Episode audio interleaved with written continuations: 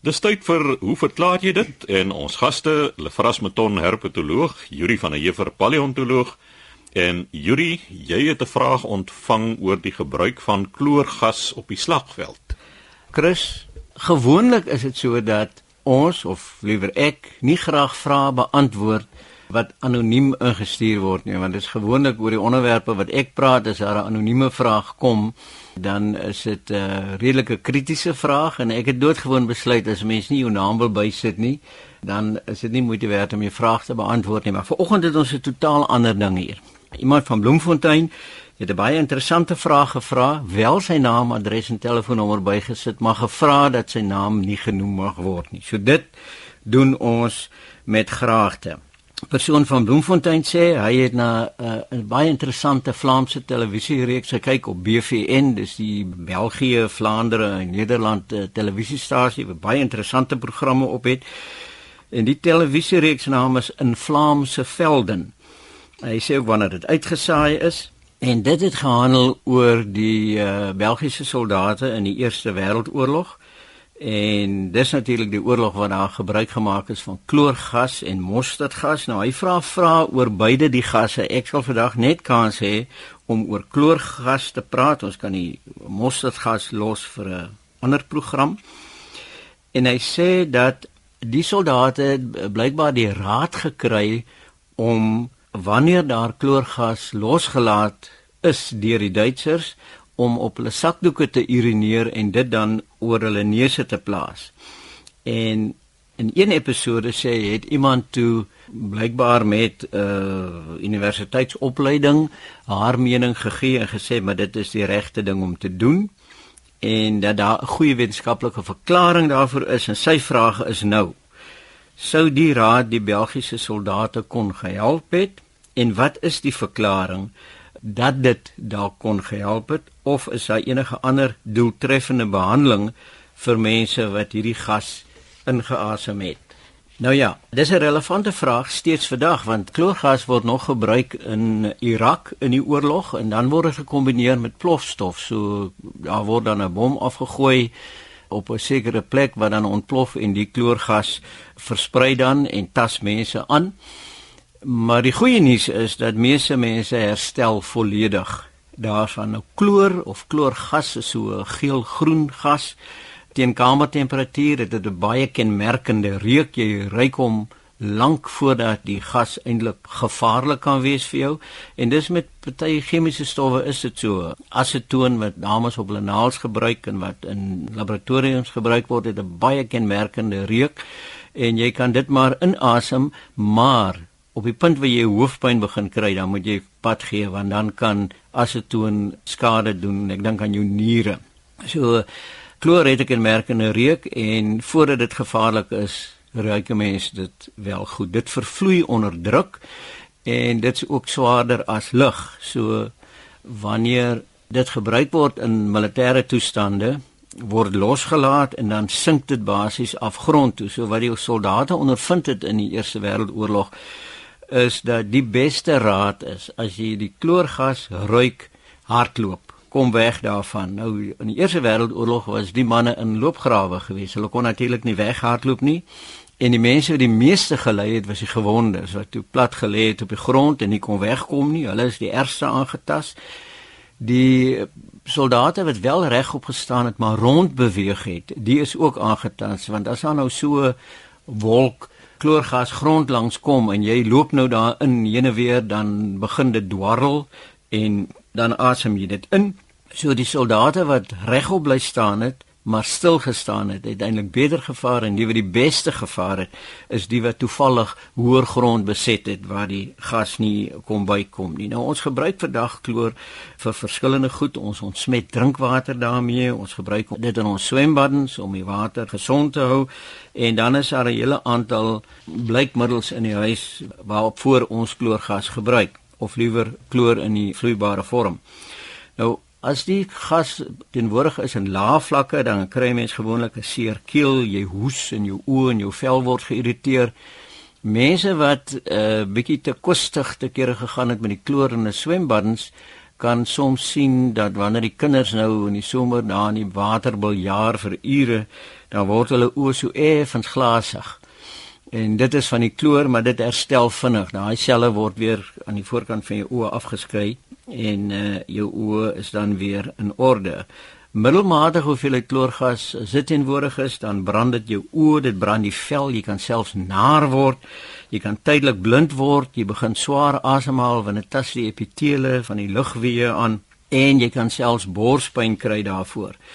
As daar werklik hoë vlakke kloorgas teenwoordig is, dan is daar 'n onmiddellike afbreek, 'n ineenstorting van jou stelsels en jy sterf. Nou die behandeling is redelik eenvoudig. Jy moet die gas so vinnig as moontlik probeer verwyder van die liggaam af en dit word gewoonlik gedoen deur te was. Jy spoel jou oë uit, jy was die persoon af om ontslae te raak van die gas. Ek onthou Jare gelede was ons by een van hierdie bekende warmwaterbronne en ja, wat redelik kloor in die water en dit het my oë aangetas en ek klim toe uit om by 'n kraan reg langs die swembad my oë uit te was, min wetende dat die kraan se water kom ook van dieselfde bron af. So ek het vir 'n hele tydjie staan 'n kloorwater in my oë ingespoel voordat ek besef het dit raak erger. Die langdurige gevolge van kloorgas is moegheid, uh mens raak vinnig kort asem as jy oefen en jy ly aan aanhoudende hoesbuie. Nou die kloorgas is eers nadelig vir 'n mens as dit so teenwoordig is teen so 1000 dele per miljoen en dan begin dit jou longweefsel vernietig. En sommige mense sê dat as daar nou kloorgas in die omgewing is moet jy na nat lap voor jou neus druk. Nou dit werk nie te goed nie want Eh, die water in is H2O wat in die nat lap is. Kloor is die sogenaamde Cl en HCl is die resultaat daarvan dis soutsuur. So met 'n nat lap asem jy dan soort van soutsuur in. Om urine op jou sakdoek of op 'n lap te sit is natuurlik heeltemal 'n ander saak. Urine bestaan 95% uit water plus 'n klomp anorganiese soutte en ander organiese verbindings soos proteïene en die soort van goed. En hier kan 'n mens natuurlik nou interessante kommentaar lewer op Tim Noakes se dieet want uh proteïene word uitgeskei of die afvalprodukte van proteïene word uitgeskei deur die niere en as jy jouself nou oorlaai met proteïene nierprobleme, maar dit is nou nie die antwoord op hierdie vraag van anoniem van Bloemfontein nie, maar dis ook 'n interessante ding. Dan is daar ook in die urine nog hormone en ander metaboliete. Maar wat urine wel bevat is urium. En as urium met die kloorgas verbind, dan vorm dit 'n produk met die naam van dichlorourium. En as jy nou die lap met urine in op jou neus druk, dan vorm die chlorourium en dit kristalliseer dan op die lap. En gevolglik neutraliseer dit die effek van die kloor. Met ander woorde, dit was baie goeie raad geweest. Dit was noodtoestande en die Kanadese soldate in die oorlog het wel van hierdie metode gebruik gemaak en jou vraag of dit die Belgiese soldate sou bevoordeel het beslis ja as hulle geweet het daarvan om dit te doen. Nou weet ek nie hoeveel urine 'n mens produseer onder geweldige traumatiese militêre toestande nie of jy hoegenaamd genoeg urine sal hê om soos aangevra op 'n sakdoek te kan urineer nie, maar as hulle dit sou kon doen, sou dit beslis die effek van die kloorgas verminder het. Yuri, jy sal hom seker jou buurmans bietjie ook kan leen. Lefras, ja, ek nou so vinnig aan my buurmanne dink. Nee. maar as dit noodtoestand is, dan as dit 'n saak van lewe en dood is, beslis. Al die moderne goed wat die mense op die straat, die vrouens hierdie peper sproei en wat die polisie gebruik, dit is alles veilige middels. Dit is net 'n tydelike irritasie of is daar dalk ook langdurige effekte. Ja, sover ek weet is dit tydelik. Die pepersproei is natuurlik geweldig irriterend op jou nie net op jou oë nie, maar as jy dit inasem, al daai soos jy self weet, daai epitele aan die binnekant vir jou vir jou neusgange wat maar baie sensitief is. Ek het nog nie gehoor van iemand wat permanente skade gekry het van pepersproei nie. En daar is gevalle waar mense aangeval is met pepersproei en dit direk in hulle oë ingespuit is So ek dink nie dit het nadelige gevolge nie en dan daai ander apparaat wat die polisie het wat die ligte elektriese skokke voorsien. Ek het in 'n televisieprogram gesien waar 'n man homself aanbied as 'n uh, proefkonyn. Hy word betaal daarvoor en hulle kan hierdie goed op hom toets. Dan hy hierdie geweldige rukbewegings, spiersamentrekkings en dit nie gelyk asof hy permanente skade het nie van buite af nie.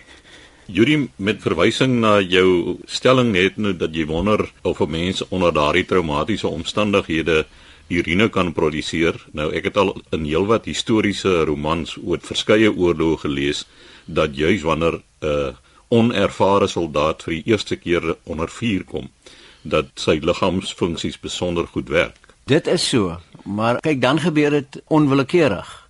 Of jy dit op aanvraag kan doen in so 'n traumatiese toestand of teen die tyd wat die gas arriveer het jy dit miskien al lank al klaar gedoen en dan het dit nie effek nie Ja, dit is Yuri van der Heever wat gesels het oor die gebruik van kloorgas op die slagveld. En hoe verklaar jy dit? Gesels ons nou met Lefras Meton, ons herpetoloog. Lefras, die vraag wat in jou gestel is, hoekom het voëls nie uitgesterf saam met ander dinosourusse nie?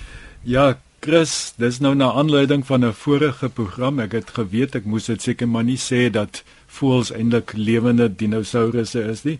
Pierre Oosthuizen van Belwel het die potensiële slaguister raak gesien en hom dan nou vir my gestel. Hy wil weet as voëls dan nou dinosourusse is, hoekom het al die ander dinosourusse uitgesterf behalwe voëls?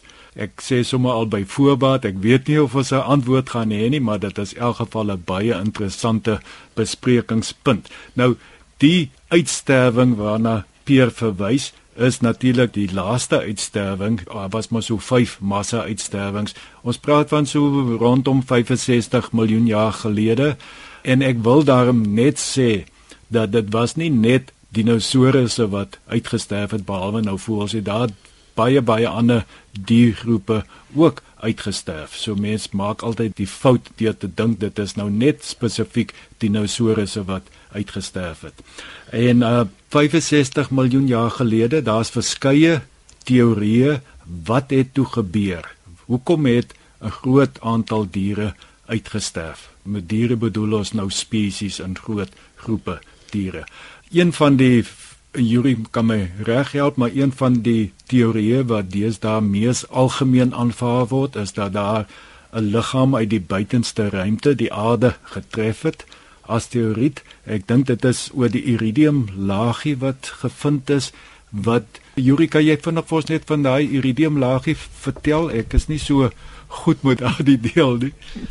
Ja, die uh, iridium laag is baie bekend want Die asteroïde wat die aarde getref het, so tussen Noord en Suid-Amerika min of meer 65 miljoen jaar gelede, was iets wat geopper is deur sekere paleontoloë en die vraag was waar is die bewys? Wat het gebeur? En twee geoloë, pa en seun Alvarez het naby die dorpie Gubbio in Italië werk gedoen juis op gesteentes van daai ouderdom en hulle merk toe hierdie dun laagie wat spesifiek op daai tyd neergelê is omtrent so 'n meter van die einde van die kruitperiode. En iridium is 'n swaar metaal wat jy by die kern van die aarde kry en nie op die oppervlak nie.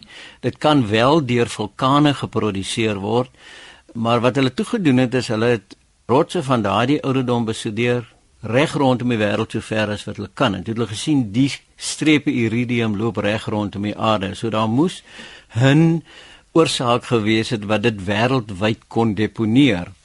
En die vulkaniese uitbarsings is nie genoeg om dit te doen nie. En toe postuleer hulle 'n liggaam uit die buitenste ruimte want ons weet iridium kom op die aarde aan uit die buitenste ruimte en hulle beweer toe maar dis 'n asteroïde wat die aarde getref het. Toe die volgende argument was, haha, waar is die bewyse vir die asteroïde en toe hulle begin soek en toe uiteindelik die krater onder ja. die see gekry. Die golf van Mexico? Ja, en die krater het 'n deursnit van ek dink omtrent meer as 100 km. Dit is 'n geweldige groot ding en hulle het al die bewyse gekry in die rotse want as jy nou so impak het dan het jy ook die kwarts wat vervorm die sogenaamde geskokte kwarts. Al die bewyse is gekry. So jy's heeltemal reg om te sê dat dit is die mees waarskynlikste teorie vandag. Nou, ek dink dit is baie belangrik om te verstaan, dit is nie die impak van die asteroïde toe dit die aarde tref wat nou al hierdie een klaps al hierdie diere tot nul laat gaan het.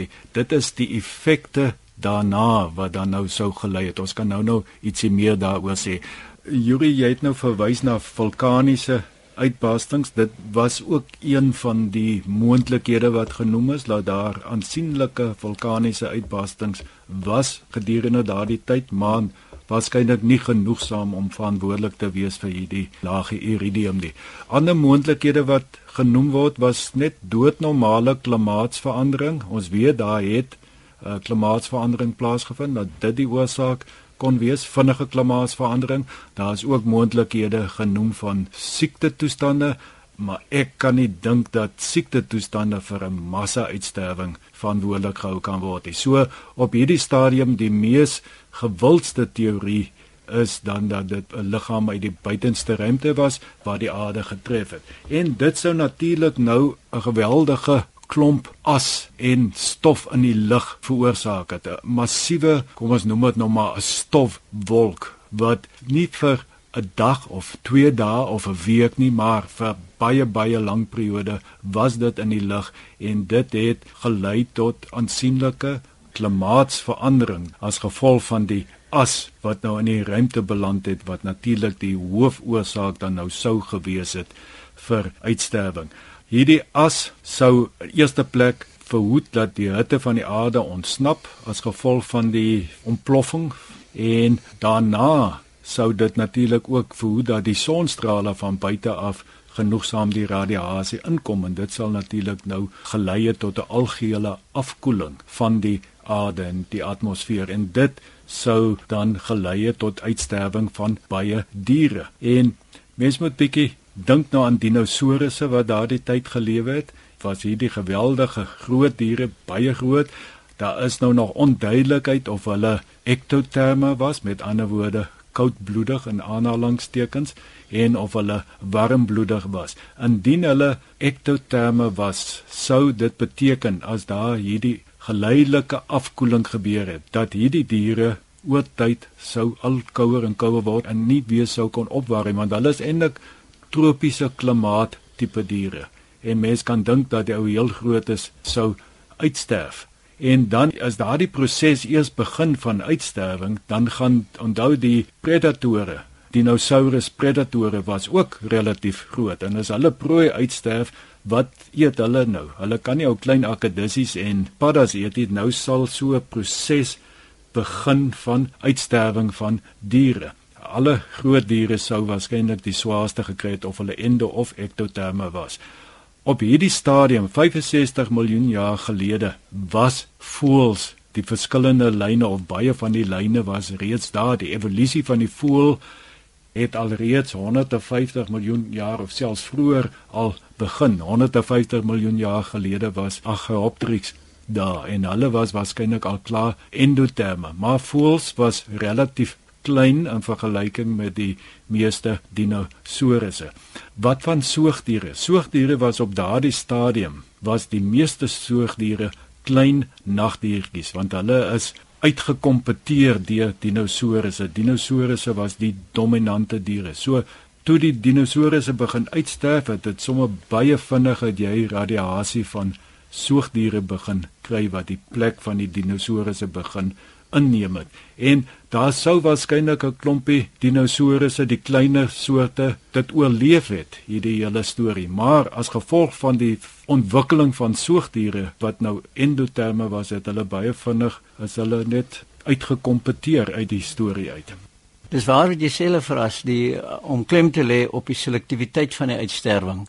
En dit lyk eintlik asof soos jy sê die groot diere is die wat die meeste gelei het en dat die kleiner diertjies soos akedisse en slange en soogdiere en voëls is die wat dit oorleef het. So dit gee vir mense idee dat in hierdie onderbergsame toestande het die kleiner diertjies 'n beter kans gehad om miskien weg te kruip of om miskien nog genoeg kos te kry want die dinosourus se ontwikkeling was so dat teen die einde van die kryt was dit feitelik net die groot dinosourus wat oorgebly het. Daar was al 'n afname in dinosourus vir 'n hele klompie miljoene jare.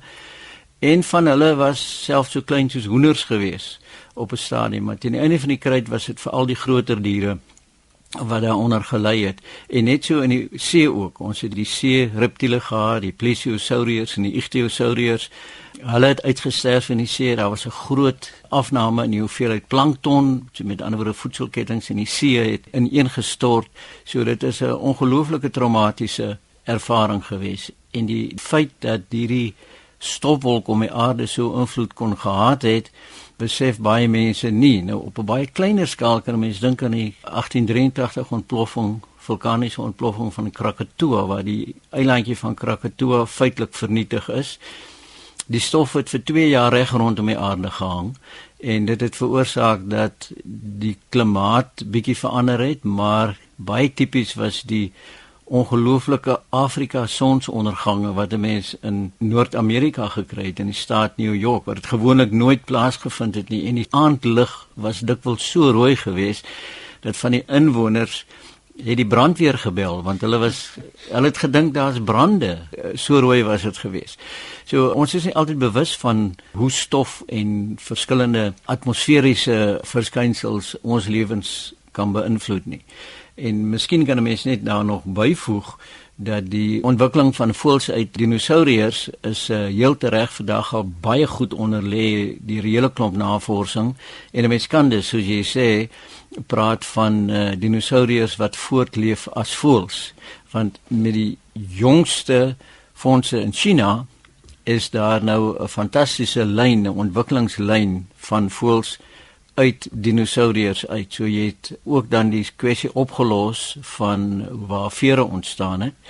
En uh, vere het nie ontstaan om mee te kan vlieg nie, maar het er ontstaan om die liggaam te isoleer. So jy kry dinosourus met kort veertjies wat nie vliegvere is nie vir isolering en dan ontwikkel dit geleidelik in vliegvere. Yuri het genoem van die groot diere wat swaar gekry het.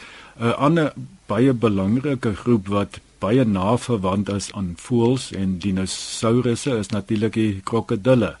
En op daardie stadium 65 miljoen jaar gelede was daar verskeie krokodilspesies. Daar was groot krokodille tot 12 meter lank, massiewe goed wat gelewe het maar daar was ook baie baie klein krokodilsoorte van kleiner as 'n meter en mense sou dink dat al die groteres sou uitgesterf het en dat van hierdie kleinere krokodilletjies dan ook oorleef het en dit is hulle nageslagte wat ons vandag dan nou nog sien. Ook wat slange aanbetref, daar was 'n stadium wat die heersende slange was die groot, die luislang tipes, die boas en die anacondas en hulle het dan ook uitgesterf. Hulle was net te groot en dit het dan nou die aanleiding gegee tot die diversifikasie van die ander slangsoorte. So dit gaan oor liggaamsgrootte. Hier in die Weskaap byvoorbeeld, om sommer net 'n uh, resente voorbeelde te gebruik. Ons kry nie likkewane in die Kaapstad omgewing. Ons kry nie ou groot berskilpad hierso nie. Die Namakwa verkleemannetjie, die groot verkleemmannetjie kom nie hier in die Weskaap voor nie want uh, hier is te veel wolke, hulle is te groot en dit is basies gee vir jou goeie aanduiding dat liggaamsgrootte kan 'n probleem wees in koeler klimate. En 'n ander aspek dink ek wat 'n mens hieruit kan aflei en dit is so wonderlik vir my van die wetenskap en die biologie is dat jy in die veld uitgaan en jy versamel data wat jy kan beskryf en dan kan jy daarvan afleidings maak. Wat ons weet van die dinosourus is dat hulle op hulle toe hulle hoogtyd gevier het, toe hulle op die toppunt van ontwikkeling was, was hulle die dominante landwerveldiere wêreldwyd behalwe nou in die poolsirkels, maar baie na daaraan.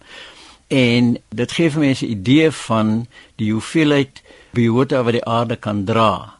Die soogdiere was teenwoordig in die tyd van die dinosourus, maar hulle was klein soort van akteurs op die sykant van die toneel.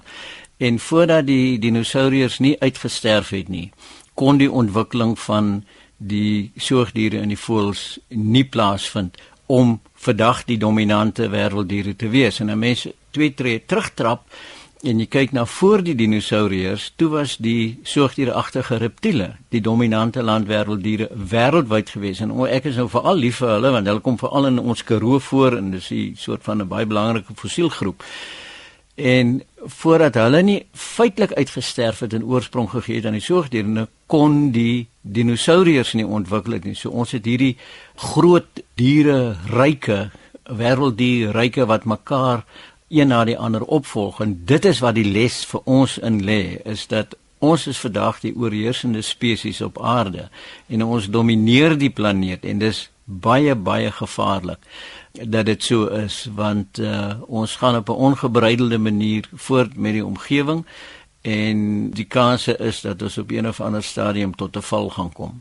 Dit so om op te som die aanvaarbare teorie is 'n asteroïde die aarde getref gelei tot 'n klimaatsverandering en daarvandaan het ons 'n hele domino effek waar dinosourusse die oorheersende groep was het die groter dinosourusse uitgesterf sommer redelik vinnig ook groter diere van ander groepe maar die ander groepe die akedisse die paddas soogdiere en ook voëls van daardie tyd was relatief klein paddas en akedisse en slange is baie baie kleiner as die dinosourus en dit is dan die groepe wat oorleef het. So dit is kompleks, ons het nie al die antwoorde nie, maar dit gaan oor 'n nuwe balans wat ontstaan. Dat skielik neem soogdiere nou 'n plek aan en dit lei tot 'n hele ander struktuur in die ekologie. En so gesels Lefras Meton, ons herpetoloog, saam met hom Yuri van der Heever, paleontoloog. Skryf gerus aan ons by Hoe verklaar jy dit? Posbus 2551 Kaapstad 8000 of stuur 'n e-pos aan chris@rsg.co.za.